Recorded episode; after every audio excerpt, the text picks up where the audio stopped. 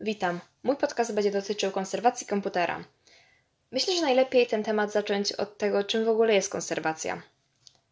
Konserwacja to zabiegi mające na celu utrzymanie czegoś w dobrym stanie. Możemy się domyśleć, że zabiegi konserwacyjne komputera będą polegały na jego ogólnym czyszczeniu. Często jednak nie zdajemy sobie sprawy, z jaką dokładnością trzeba wykonać to zadanie.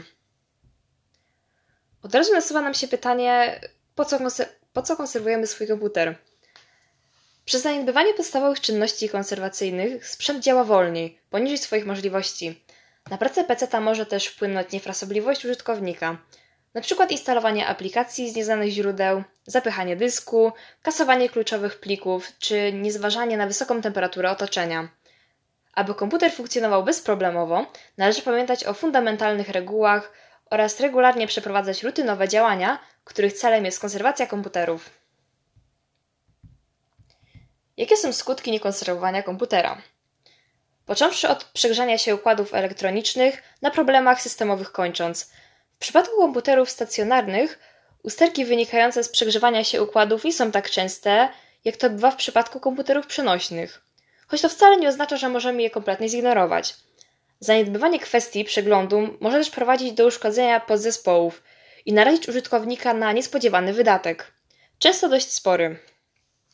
Przykładem może być uszkodzenie płyty głównej. Gdy komputer jest starszy, może okazać się, że naprawa jest nieopłacalna. Konserwując komputer, możemy uniknąć takiej sytuacji. Średni koszt kompleksowej diagnostyki komputera stacjonarnego bez zmiany podzespołów to od 50 do 80 zł brutto. Wiele osób pewnie zastanawia się też, kiedy zrobić takowy przegląd. Wykonanie tego procesu jest zalecane wkrótce po zakończeniu gwarancji, a następnie co 24 miesiące lub gdy widzimy, że z naszym sprzętem jest coś nie tak.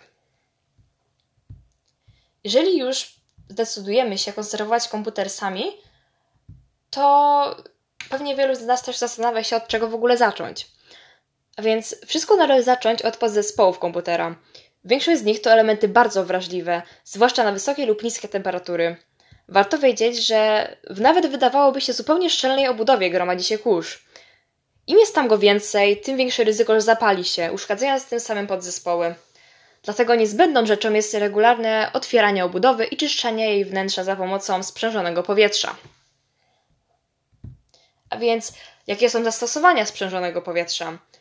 Każdy posiadacz komputera powinien zapatrzyć się w sprzężone powietrze.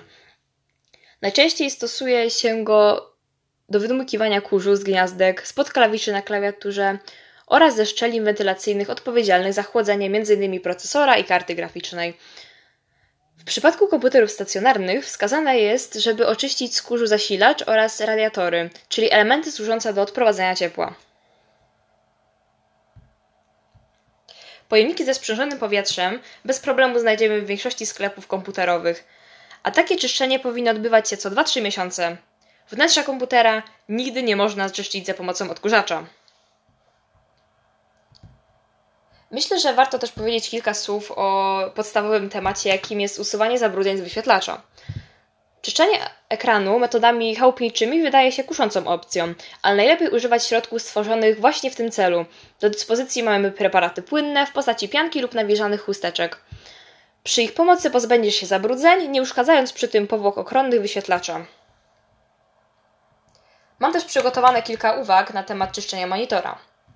Nigdy nie używamy do tego celu środków zawierających alkohol, aceton czy amoniak. Nie aplikujemy żadnych środków bezpośrednio na ekran. Zawsze używamy bardzo miękkich szmatek. Nie staramy się wyczyścić e, ekranu jednym przetarciem ściereczki. Najczęściej czynność trzeba powtarzać kilkakrotnie. Monitor przycieramy delikatnie okrężnymi ruchami, unikając szorowania i przyciskania matrycy.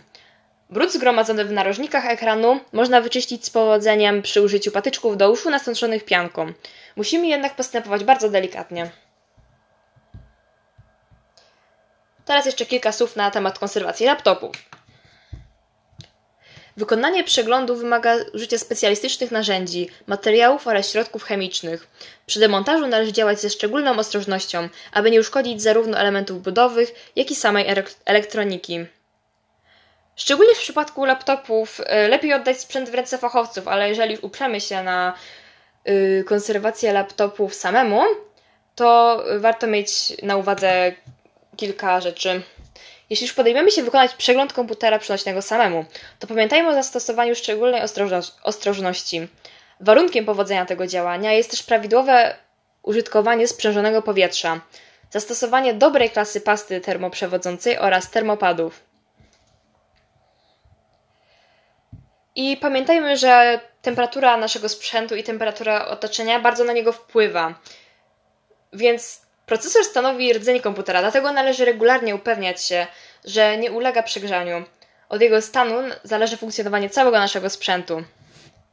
I na razie to tyle. Dziękuję za wysłuchanie mojego podcastu.